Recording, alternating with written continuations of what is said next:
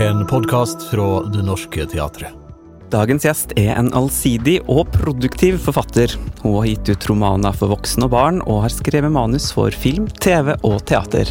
Romanen 'Byenes historie' kom i 2015 og er omsatt til 36 språk og gitt ut i mer enn 50 land. I 2017 var det den mest solgte boka i Tyskland, og i 2020 ble det musikal her på Det Norske Teatret. I høst kom hun med den siste boka i Klimakvartetten, 'Drømme nummer tre', og i høst er hun også aktuell med teaterversjonen av 'Snøsøstera' her på Det Norske Teatret. Du lytter til Språkoppdraget, en podkast fra Det Norske Teatret. Med Inger Johanne Søterbakk og Erlend Tongesvik Dreiaas.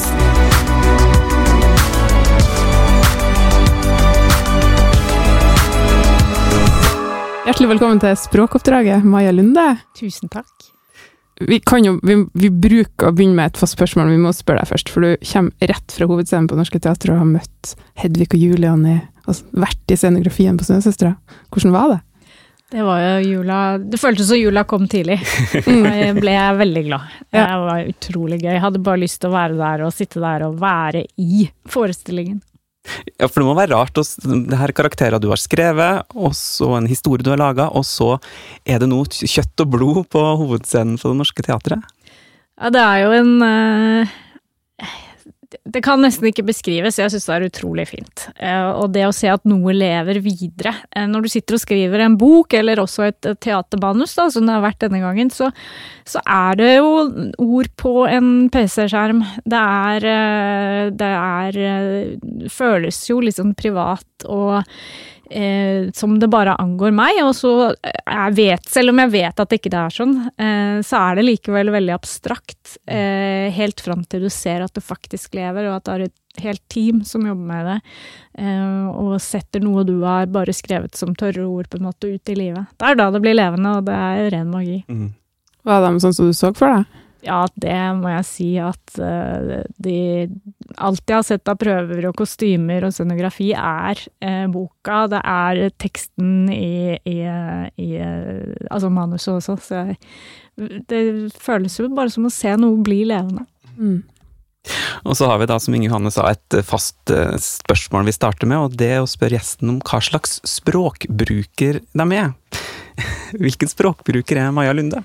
Litt schizofren språkbruker, tror jeg. Jeg har uh, vokst opp uh, midt i byen, uh, på Bislett. Midt mellom øst og vest i Oslo.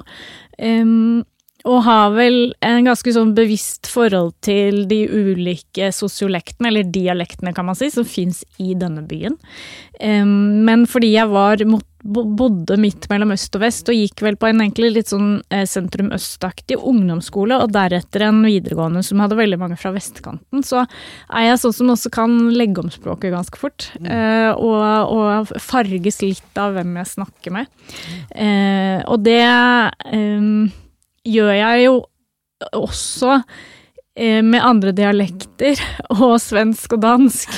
Ja, Britisk, engelsk versus amerikansk. Så jeg merker at jeg veldig fort begynner å snakke sånn som de jeg eh, snakker med, snakker. Ja. Så det kan være litt sånn flaut noen ganger hvis folk tror jeg hermer, eller Ja, men det er ikke med vilje, da. Det er spennende hvordan du uttaler seg i denne podkasten med to dialekter. Ja, ja.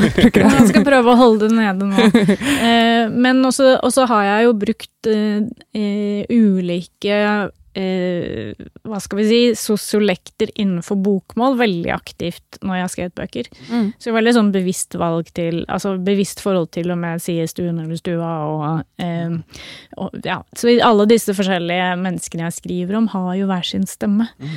Eh, som i Bienes historie, for eksempel, så var det jo tre veldig ulike stemmer, hvor det var 1800-tallsmannen med lange, litt kronglete setninger og gammeldagse ord, og det var eh, 2000-tallsmannen med med bonden med, et, med, kortere setninger og mer humor, kanskje, og, og litt Og mye breiere eh, bokmål. Mm. Eh, og frem, en fremtidskvinne med en, et mer restriktivt, men også mer akademisk språk. Mm. Eh, så jeg bruker det veldig. Jeg bruker også ulike sosiolekter innenfor bokmål da, ja. Eh, når jeg skriver veldig aktivt. Mm. Det er spennende. Skal, eh, men hvor, er det en stor del av når du lager en karakter, da, at du finner språket til vedkommende? Ja, det er eh, gjennom språket at jeg blir kjent med det mennesket.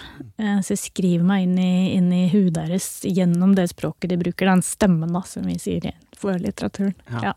Men det høres ut som en, eh, egentlig nesten en gave å vokse opp der du vokste opp, da, i en sånn med mye språk rundt deg, som òg her i Oslo så, så representerer jo talespråket og kanskje mer enn akkurat hvor du bor, men hva du hører til. Så. Ja, jeg tenker at det, det kom jo godt ut av det. Mm. Eh, å, å bli såpass språklig bevisst fra du var ganske ung, da. Og se at språk kunne også eh, bety klasse, Mm. eh, og at det ikke var likt. Altså innenfor, innenfor den samme byen så er språket veldig mye forskjellig. Og nå enda mer, da, med, med de ulike ungdomsslangspråkene som finnes og eh, ja. Det er en veldig rik språkby. Ja, absolutt. Men tok du og tilpassa deg da, eller, eller eh, tviholdt du på ditt eget i møte med uh, nei, jeg, særlig på videregående så tror jeg nok at jeg prøvde å tilpasse meg en del. Mm. Uh, som man jo gjerne gjør i den alderen. Ja. Uh, så er jeg kanskje blitt litt mer bevisst senere på at jeg, at jeg eh, skal holde på noe av det som er liksom østkanten også. Mm. Eh, men, eh, men jeg merker at jeg er helt sånn Jeg, bru, jeg si, kunne sagt seinere og senere. Altså jeg, he, helt, jeg, jeg surrer hele tida. går, Ja, tiden. Ja. ja, ja, det kjenner jeg meg igjen i. Ja. Det der med at vi bruk to ulike former i sammensetning. ja. ja, for er det noe dialektmark? Går det an å si at det er en dialektmarkør for Bislett? Det en Bislett-dialekt, for eksempel? Eh, jeg vet ikke om det gjør det nå. Nå bor jeg jo i bydel Østensjø. Eh, jeg tror ja, altså, Jo, jeg vil vel si at sentrum har jo en mindre Det er mindre slepent, det er mindre EN-endinger enn det er f.eks. lenger vest, da. Ja. Um, så fremdeles har du jo noen av disse markørene i, for, i form av altså hvilke endelser du bruker, eksempel. Og du kan Mm. jo Ja, så lenger vest du kommer, så vil du jo også Jeg kan jo noen ganger høre om folk er fra Bygdøy, typisk, at det der, at man får det veldig ja, Altså Det er veldig slepne. Mm. Mm. Ja, det er kanskje faktisk det letteste At man sier jo Oslo, og man sier eh, aften kanskje til og med, hvis man er litt oppi åra, da. Mm. Ja. Men hva med, du har jo tre unger. Merket du stor forskjell på ditt språk og deres språk?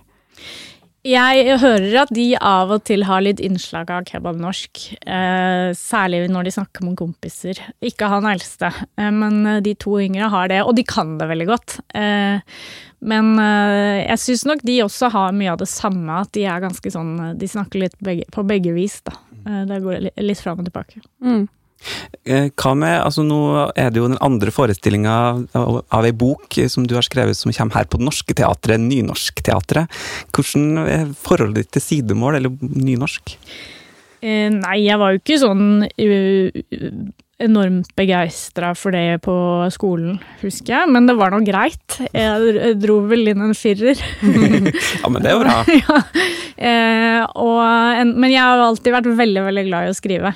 Eh, sånn at eh, skriving, skrivegleden hadde jeg jo også på nynorsk. Men jeg husker jeg syntes det var litt heft å måtte ikke kunne skrive på bokmål, fordi jeg hadde jo lyst til å få ut disse fortellingene og disse eh, essayene og hva det nå var man satt og skrev, da, uten å måtte tenke for mye.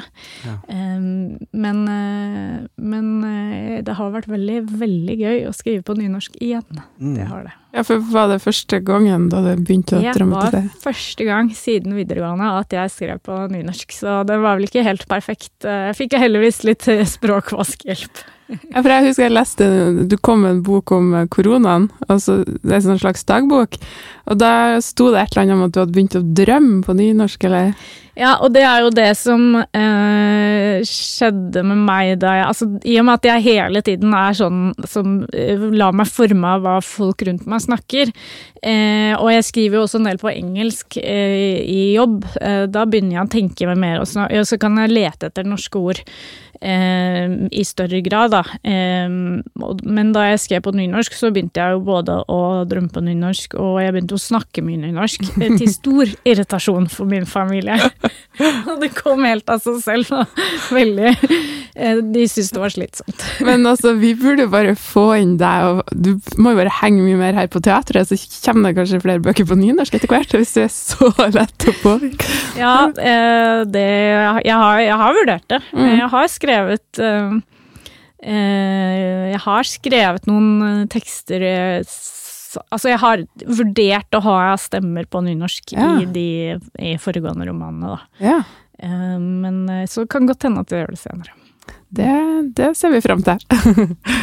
Eh, Du ga ut din første bok for ti år siden, eh, og fikk det store gjennombruddet med Bienes historie da i 2015. Og siden den gang har du gitt ut mange bøker, men du skrev også før det. Hvordan starta du med skrivinga? Jeg har um, egentlig skrevet helt siden jeg uh, Ja, hva skal vi si? Siden jeg begynte med det på skolen. Mm. Uh, siden jeg lærte å skrive. Uh, og jeg var et veldig sånn lekende barn. Har veldig stort indre liv, som mange barn har. Um, men jeg hadde vel også en sånn Jeg hadde sånn behov for å være i andre verdener enn min egen, at etter hvert da, når det ble litt barnslig å leke, så tok skrivingen over noe av det. Og boklesing. Og film og TV. Jeg var veldig, veldig opptatt av film, og teater, for så vidt. Jeg hadde foreldre som var ganske flinke til å ta meg med på teater. Og så hadde vi jo på den tida den fantastiske skoleteaterordningen i Oslo, som gjorde at vi fikk sett veldig mye. Um, men eh, Og da jeg var ungdom, så skrev jeg også mye, og jeg ser at de tekstene som jeg skrev den gang, på sett og vis har litt av den samme stemmen og en del av de samme temalinjene og ja, som jeg jobber med i dag, da. Mm. familie og natur og en del gjennomgangstemaer som, som er like det jeg jobber med i dag. Um, men så hadde jeg Jeg tok jo lang utdanning på Blindern, og jeg er jo medieviter eh, med, ho med hovedfokus på film. Em, og begynte etter hvert å jobbe i film- og TV-bransjen. Eh, og begynte etter hvert å skrive manus, filmmanus. Eh, så da bruker man jo språket veldig sånn praktisk. Eh, da skal man, når man skriver enten det er eh, teater da, eller film og TV, så skal man jo egentlig beskrive hva det er publikum skal se og høre. Eh, som, som er en veldig sånn Ja, det er en praktisk måte å bruke språket på. Nå hadde jeg ganske mange år hvor jeg ikke skrev skjønnlitterært i det hele tatt. Helt til jeg kastet meg ut i det og eh, begynte å skrive på barneboka Over grensen. Som jo også var en filmidé. Mm. Eh, og det Det å liksom ta det steget og, og finne på, eller å eh, Jeg husker jeg satt og følte at jeg liksom ja, syntes det var litt kleint, husker jeg, i begynnelsen å skrive skjønnlitteratur. Eh, selv om jeg jo hadde skrevet så mye manus. Mm. Å bruke språket på den måten, da. Eh, når jeg hadde gjort det så mye som ungdom. Eh, så, så det var liksom og, og de første utkastene var egentlig ganske dårlige. jeg hadde ikke skjønt hva det var å ha en litterær stemme. Jeg hadde glemt det, selv om jeg hadde hatt det som ungdom, så hadde jeg på en måte glemt litt hvordan man gjorde det. Men så fikk jeg god hjelp av en redaktør, og, og turte å skrive jeg-fortelling i, i stedet for Altså førsteperson istedenfor tredjeperson, som hjalp meg veldig. Eh, preteritum istedenfor pressen. Så det er noen sånne triks som kan hjelpe deg til å komme på innsiden av en, en, et menneske og uh, finne stemmen, da. Og skjønne at jeg skulle faktisk skrive om en tolv år gammel jente. Eh, og det var Eller ti er hun faktisk òg. At det, gjorde noe med språket. Det at det var et barn. Um, og da, da jeg tok det steget, så husker jeg det. Ja, det var litt sånn aha-opplevelse. Å det var sånn det var jeg gjorde det igjen. Ja. Um, og så, etter det, så har det sklidd veldig lett. Mm. Men, men du sa at det var kleint. Hva, som var, hva du syns var kleint med det? den følelsen av å sitte og forstille seg på en eller annen måte, som jeg ikke hadde opplevd eh, da jeg skrev eh, manus. Eh, og jeg har hørt veldig mange si det samme, at de føler at de liksom sitter og Ja, nei, den følelsen av forstillelse og følelsen av eh, at man ikke er ja, finner på det. At man kanskje At det er litt flaut. At det er noe man At man nesten føler at man gjør er liksom barnslig. Eh, og, og det er nok kanskje fordi man også, tror jeg, kommer i kontakt med noe av det samme som man gjør når man er barn og faktisk leker, da. Eh, fantasi, rett og slett. Eh, forestillingsevne. Det, at det å ta i bruk den forestillingsevnen igjen som voksen kan være veldig, veldig skummelt. Eh, og de aller fleste gjør det jo ikke i det hele tatt. Eh, men, men at man han sitter og leker forfatter, jeg husker jeg var den følelsen. Ja, ja. ja, det kan jeg. Jeg, jeg skriver jo sjøl, men jeg, jeg er ikke like produktiv som deg. Men jeg kan kjenne den følelsen av at man leker forfatter i starten her. Ja. Og så bare hva, hva tror man man er, på en måte? Ja, det er definitivt også i kombinasjon med den at man skal komme i kontakt med noe Mm. som man ikke har vært i kontakt med på veldig mange år. Da. Og særlig kanskje for meg, og, skrev, og det å skrive fra et barns perspektiv, sitte og late som jeg var Gerda, Mm. var veldig rart. Eh, men nå, det, det gikk veldig fort over. Men lever du deg veldig inn i, i det, eller er du hvor, er du hen, liksom, i forhold til karakterene når du skriver? Eh, jeg prøver å bli helt borte. Um, og være der. Og være i huet deres. Og derfor også er jo språket et sånt godt eh, hjelpemiddel. Å Um, og, og, og være altså både emosjonelt til stede i situasjonen, men også det helt sånn fysisk, taktilt. Fryse når de fryser, og være tørste Ja. når de er tørste. Og, ja, så det å virkelig komme på innsiden, da. Det Mm. er mm. beste be- beste måten å skrive på for meg. Og så er det jo så mange stadier, ikke sant. Jeg er også en sånn som skriver veldig mange utkast, og det er klart at når jeg er på femte, sjette, sjuende versjon, så sitter jeg jo og har et mer sånn analytisk forhold til språket og et, et uh, mer eh, at jeg, Da har jeg jo også versjoner hvor jeg bare sitter og ser etter etter, altså er, er disse setningene så gode som de kan få blitt? Hvordan er ordvariasjonen her? Mm. Eh, Ja, som, som igjen blir mye mer sånn praktisk og teknisk, da. Men de, de første versjonene så trenger jeg å være ordentlig emosjonelt til stede. Det må være ganske altså Du skriver jo historier og fortellinger som er Det er mye det alvorlige temaet, det karakterene dine går gjennom masse. øh, I, i selvfølgelig altså Bines historie og Klimakvartetten generelt, men også Snøsøstre, da, som vi øh, er veldig tett på her nå. Øh, det er karakterer som går gjennom masse. Det må jo være tøft hvis du skal prøve å komme inn i de her personene. Ja, og jeg må jo be, Altså, jeg trenger å ha med følelsene mine. Jeg tror at hvis ikke jeg kjenner det, så vil ikke leseren kjenne det heller. Um, og hvis ikke jeg klarer å skrive om de bølgene som slår mot stranda i Longyearbyen, sånn at leserne hører dem, eller sånn at jeg hører dem, så vil heller ikke leseren høre dem. Um, men det er jo Ja, det er tøft, og det er jo til dels mørke bøker, men det er også noe av skrivefascinasjonen, er jo nettopp det å bli revet med. Og leve seg inn i det. Og det er jo, selv om det er, er vondt, så er det jo også eh, eh, en helt utrolig følelse. Ja, når i skriveprosessen har du det liksom best?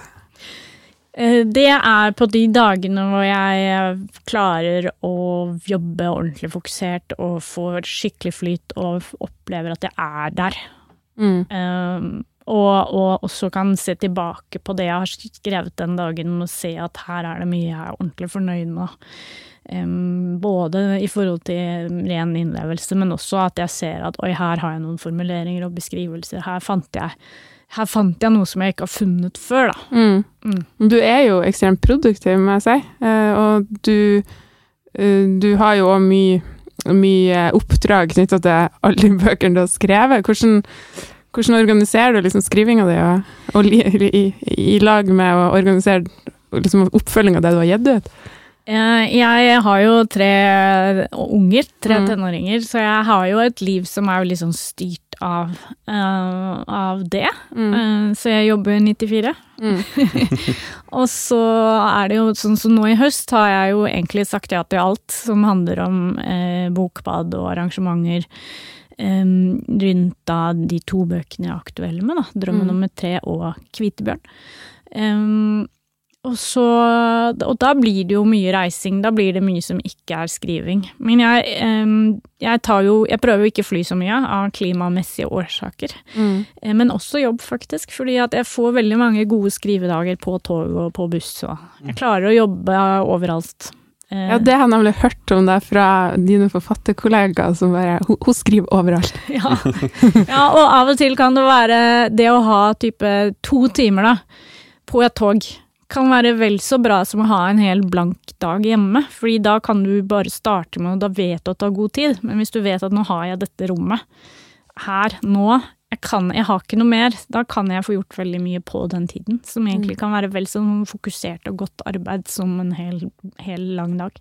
Altså, jeg, jeg, jeg begynner snart å notere til så mange bra tips her på hvordan man både med, både med, ja, med språket og ja, Og så syns jeg det var veldig fint det du sa om leken, for sånn har ikke jeg tenkt på det før, at det er en forlengelse av, av det, egentlig. Men, men, Det er jo ja. hjerneforskning òg, ikke sant. At Mm. du ser på hva som aktiveres i huet ditt. Så er det jo de samme tingene. Ja, sant. Ja, er kjempefint. Men er du, er du sånn som har en plan når du begynner å skrive? En konkret plan? Eh, sånn, Ja og nei, det kommer veldig an på. For noen av prosjektene har jeg en mer konkret plan enn for andre. Eh, Snøsøsteren for eksempel, altså boka, der Mm. var jeg Jeg visste jo at jeg skulle ha 24 kapitler. Jeg visste at hver kapittel skulle ta um, mellom tre og fem minutter å lese høyt. Uh, fordi det skulle kunne leses som en julekalender. mm. Jeg visste at fordi det var en julekalender, så burde hvert kapittel også slutte med noe litt spennende. Um, sånn at da, for å få til det uh, Det var ganske krevende format, altså. da måtte jeg skrive veldig detaljert synopsis. Mm. Så det, uh, på den hadde jeg det. Eh, og det var eh, Når du har det, og det er jo det samme, ikke sant. Dette, jeg har jo så mye erfaring fra film og TV, og der jobber du jo med synopsis og treatment og så manus. Og da gjør vi at den manusutskrivingen går ganske enkelt. Eh, og så gjør det at du får ryddet i ganske mange problemer sånn tidlig i prosessen, før du sitter og har hele teksten. Mm. Eh, så noen av de verktøyene bruker jeg jo, eh, særlig på ja, både Snøsøsteren og Solvokteren gjorde jeg det, da. Eh, mens på de romanene som er for voksne, så er det er jeg nok eh, Der har jeg skisser, og jeg vet ofte hvor jeg skal, men det skjer veldig, veldig mye underveis. Mm. Noe som også fører til at det skjer ganske store omskrivinger underveis. Det er utrolig stor forskjell på første og siste utkast. Mm. Hva, hva likte du best av de to? Nei, eh, begge deler egentlig. Eh, det er gøy å være Å kjenne at at eh, hva, hva som helst kan skje når du sitter og skriver, og den følelsen har jeg nok oftere med med tekster hvor jeg ikke vet så mye på forhånd. Mm. Eh, Men samtidig så kan jeg også oppleve det veldig underveis med synopsis, fordi eh, det skjer jo enormt mye da òg. Mm. Ja, kanskje de rammene gir en og gir noen muligheter. Altså man avgrenser eller spisse seg inn innenfor de rammene man har satt. Ja, jeg tenker jo at, at kreative rammer alltid er veldig bra, da. Å gi seg selv noen rammer kan være veldig, veldig fint, altså. Mm. Mm. Vi sa det i innledninga, du er oversatt til veldig mange forskjellige språk, utgitt i veldig mange forskjellige land. Bøkene dine treffer bredt og godt. Hva tror du det er som eh, gjør at leserne lar seg begeistre og fenge og har lyst til å lese? Eh, nei, det er jo ikke så lett for meg å svare på det, men jeg vet jo hva de sier. Mm. og det som jeg ofte får høre, er jo at de lar seg engasjere i disse relasjonsfortellingene, da. Mm. Foreldre-barn-fortellinger. Alle mine bøker, nesten, er jo foreldre-barn-fortellinger. Um, og så er det jo eh, for, for disse naturbøkenes del, da, altså denne kvartetten, så er det er det jo at de også ser ting som de ikke har sett før. At de oppdager biene som surrer rundt i hagen, eller at de kjenner på takknemlighet for å ta seg et glass vann, eller at de, at de plutselig er i den fremtiden som forskerne snakker om, eh, og advarer mot. eh, og kjenner på kroppen hvordan det faktisk er, og oppleve innlevelse da, i det. Mm. Og får en bevisstgjøring om Ja, de, noen blir jo, får jo lyst til å endre livet sitt. Mm. Um, mens andre lesere leser det mer som uh, altså underholdning eller, uh, eller for dramatikkens skyld, eller ja. Så det er jo like mange versjoner av en bok som det er lesere. Mm. Det er jo, sånn er det jo med kunst, og det er jo det som er så fantastisk fint. At alle sitter igjen med sin, sin lesning eller sin, eller for en teaterforestillingsdel, og sin egen opplevelse og sin tolkning. Men har du vært bevisst på det at du, det er et budskap der, eller det er um, ja, eksempel bian da. um, At leseren også skal få noe ut av det, rent sånn bevisstgjøring av egne handlinger og holdninger osv., eller er det skjønnlitteratur du skriver? Og, og Ja, jeg tenk, Dette høres jo litt rart ut, men jeg tenker altså ikke på leserne i noen særlig grad når jeg sitter og skriver. Eh, da forsøker jeg å være tro mot disse menneskene jeg skriver om, og den fortellingen jeg skriver om. Um, og så um, er det jo noe ikke sant, Når jeg skriver bøker jeg vet også leses av barn Jeg kaller jo gjerne disse eh, som andre kaller for barnebøker, kaller jeg for allbøker. Mm. Jeg vet at det er mange voksne òg som har veldig stor glede av f.eks. Snøsøsteren. Um, da har jeg jo noen sånn Da har jeg jo en bevissthet på språket, for eksempel. At jeg ikke skal bruke unødvendige akademiske ord, eller men, men, det kommer jo ofte av seg selv fordi jeg skriver fra et barns perspektiv, og et barn ville uansett ikke valgt den typen ord. Um, mm. Sånn at for meg handler det om menneskene jeg skriver om, da. Uh, å være på innsiden av dem. Og bruke empatien min og, og innlevelsen.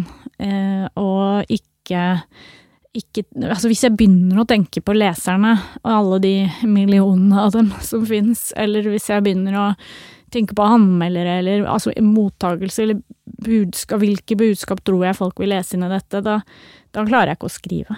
Ja, da blir man kanskje litt ufri, eller?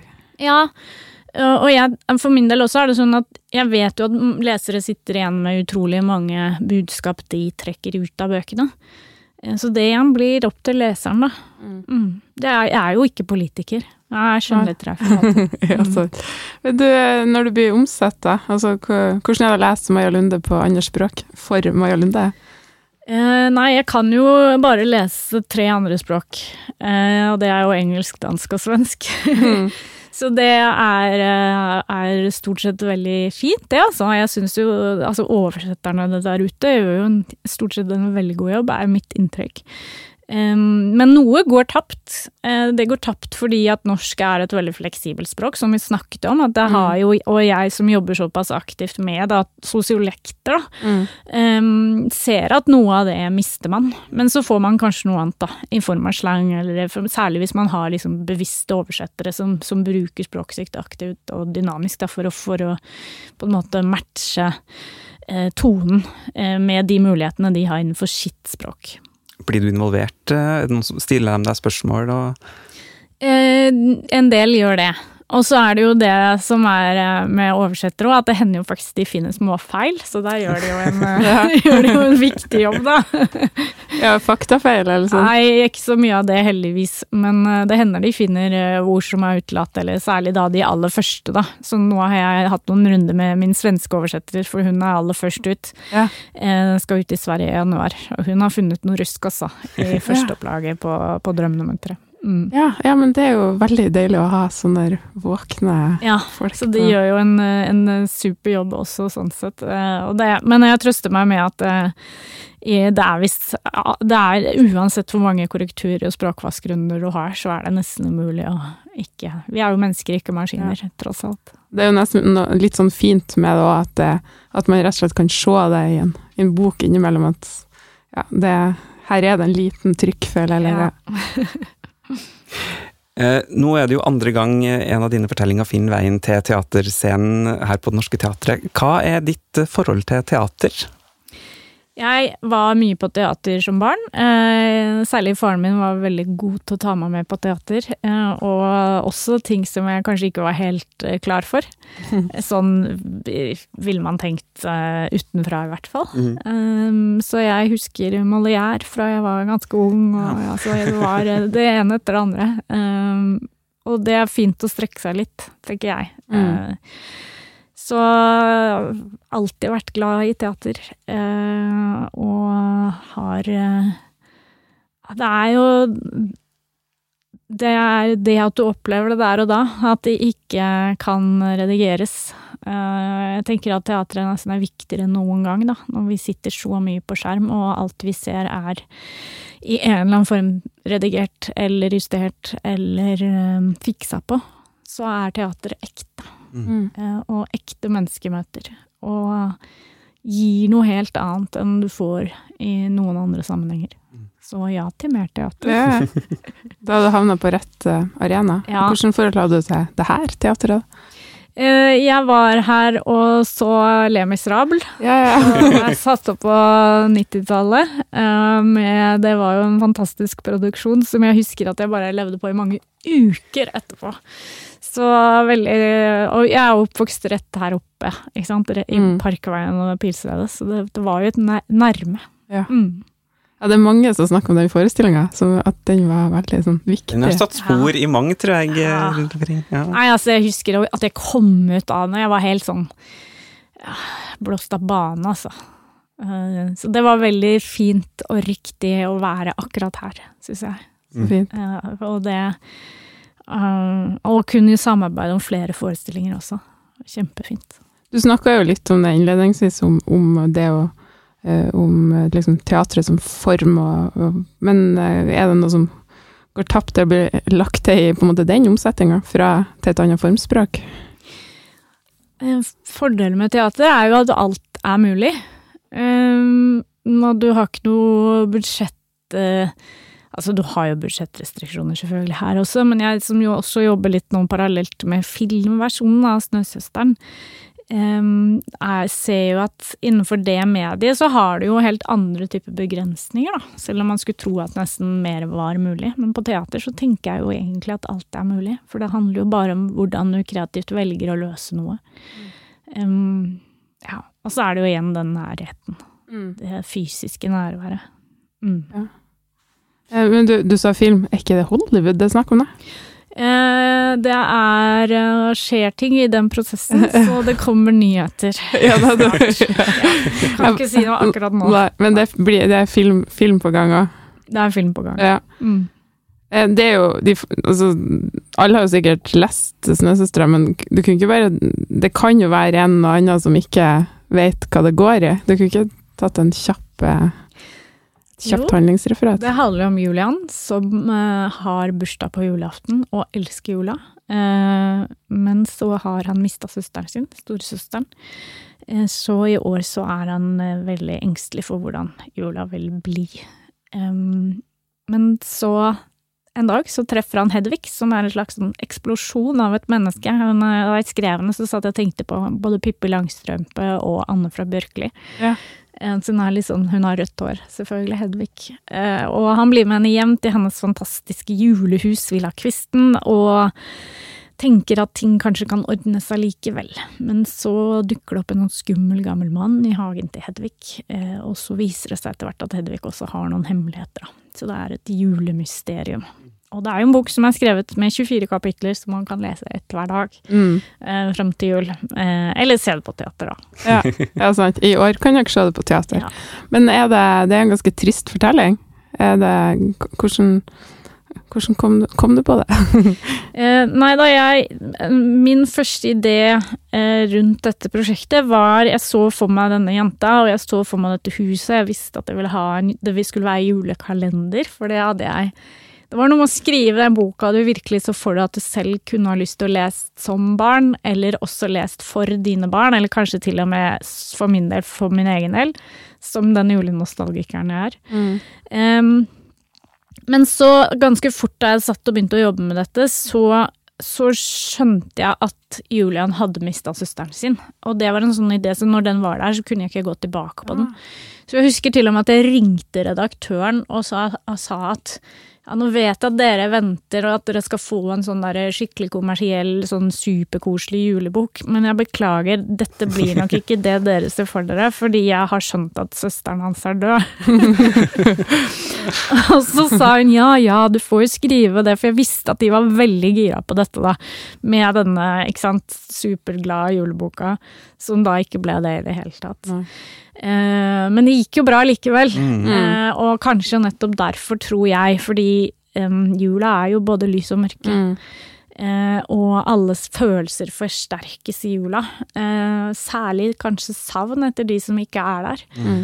Og det er jo det som virkelig har truffet leserne der ute. Eh, barna blir drevet veldig av mysteriet, tror jeg. De blir le leser videre fordi de vil finne ut hva som skjer, og de blir veldig fascinert av Hedvig eh, som, som menneske. Eh, mens voksne lesere som melder oss, da, de, Lisa og meg, de snakker mye om det emosjonelle, da. Og Mm. at de kjenner seg igjen. Og jeg har fått mange tilbakemeldinger som er sånn Gjennom denne boka har vi endelig klart å snakke med ungene om den vi har mistet, for eksempel. er det fint. Ja. Eller nå har vi Ja, det, det har vært en viktig del av mange menneskers sorgprosess også, denne boka. Så det Og, og nettopp det at det er inn mot jul, har hatt så stor betydning. Jeg tror at julen er et sånn speil, da. Sånn forstørrelsesspeil. Mm. Så alle, alle følelser vi har, blir sterkere. Det handler egentlig litt om å ta jul litt på alvor, på et vis. Ja, og det er eh, Det var nettopp det som jeg Når jeg satt og liksom tenkte gjennom hva er jul, og hva, hva er det som står på spill, på en måte, så er det ganske mye eh, for mange.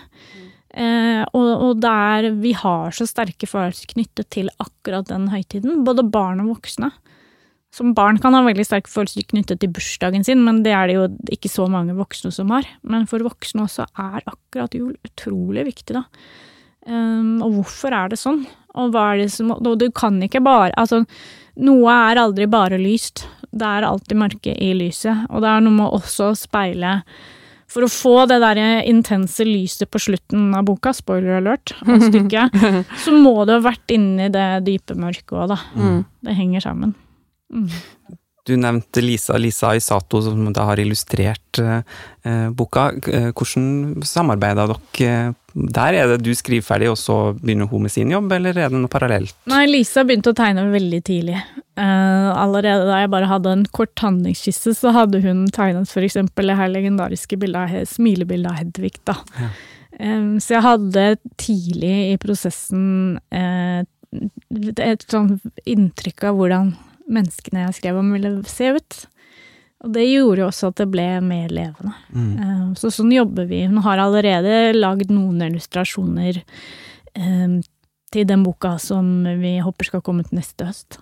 Så vi sånn, vi jobber veldig parallelt. Og så jobber vi en del med referanser eh, knyttet til det visuelle universet, så hun jobbet ganske mye med eller vi sammen, å lage Se på bilder, plukke bilder, se hvordan, hvordan tror vi dette skal se ut. Det, det gjør vi også nå med den siste. Og så kommer jeg med ganske mye innspill på illustrasjonsmotiver.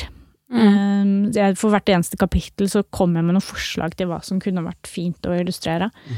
Eh, og så jobber vi eh, også sånn at vi noen ganger kan stryke tekst hvis vi ser at dette er dette kommer fram i bildet, så trenger vi ikke teksten, da. Så det er også noe med noen Og noen steder så Det har vi gjort litt nå i den siste boka som jeg jobber med nå. Eh, så, jobb, så har jeg òg noen sånne clues som kommer i bilder. Ja. Som Ja, du ser dem senere. Mm. Ja, gøy. Og det ligger òg i Snøsøsteren, nå er det også noen clues illustrasjonen, som er veldig morsomt hvis man leser nøye. Så ser Ja, nå fikk jeg lyst til å sjekke det. Men har det, er det noe av den samme tanken som fra du jobber med film, eller er det på en måte en ny metode å jobbe med illustratør? Ja, det ligner jo litt eh, på å jobbe med film, men da jobber du jo med veldig mange. Mm. Um, og så er du jo gjerne eh, mindre påkoblet eh, underveis i prosessen. Eh, mens nå er det jo ganske sånn tett samarbeid med to personer pluss redaktør, da, som også er veldig involvert. Mm. Eh, så det blir jo en veldig sånn intim prosess. Um, og så er jo fordelen altså Lisa og jeg, da vi ble kjent, så var det jo litt sånn med å komme hjem. Eh, vi hadde veldig like referanser, ganske lik bakgrunn. Um, like, ikke sant, leste de samme bøkene som barn. Eh, vi snakket så innmari samme språk, da. Og Mm. også begge to har den derre em, Vi er ikke så redd for det inderlige. Eh, vi tør å hoppe i det. Eh, og jeg kjenner med å jobbe med Lisa, så tør jeg kanskje det mer òg, fordi hun er, hun er jo virkelig Hun har ingen frykt for det i det hele tatt. Eh, det også er så fint. Å ikke, ikke skulle drive med noe ironisk distanse, eller ja, særlig når du jobber med sånne ganske heftige temaer som vi har gjort, da, i både de to bøkene vi har lagd sammen til nå. Mm. Men du hadde allerede avslørt at det kommer en ny, ny bok til høsten, da? Om- Ja, jeg håper jo det. Ja. Jeg sitter og skriver på den nå. ja, altså, Apropos disse lange togdagene. Så Ja, jeg har gjort mye. Ja. ja, men det er bra. Og det det, kommer det noe Du har jo avslutta Klimakvartetten. Kan voksne lesere vente seg noe mer fra deg? Eh, ja, det tror jeg jo at jeg må få til. Mm. Jeg er jo en sånn forfatter som har utrolig mange ideer. Mens jeg har jo en kjempe, kjempestor mappe på Så heldig du er. som heter ideer. Så da gjelder det egentlig å velge. Mm. Eh, og hva skal jeg prioritere først? Og jeg vet jo at eh, livet er jo Det tar jo faktisk slutt, så det er jo, jeg må jo velge de man, Når man skriver en roman, så gifter man seg jo med den for en periode. Så du Mm. må jo virkelig elske det på en eller annen måte, det du skal skrive om også. Eh, så ja. Men det blir helt sikkert flere bøker. Det er nok mange som er glad for det. Vi skal eh, runde av eh, den samtalen her, men vi har et eh, fast siste spørsmål også, og det er om du har et favorittord du kan tenke deg å dele med oss. Ja, nei, altså siden vi sitter her nå og har snakket om Snøsøstera på teater, så må det bli jul. Ja, det er aldri for tidlig å begynne å glede seg til Nei, jul. det er ikke det. Du, tusen takk, Maja Lunde, for at du kom. Det var veldig kjekt å prate med deg. Takk for at jeg fikk være her. Bli med i samtalen. Send inn dine spørsmål og kommentarer til sprakoppdraget krøllalfa denorsketeatret.no. Produsent er Ole Herman Andersen. Flere podkaster fra Det Norske Teatret finner du i podkastappen din.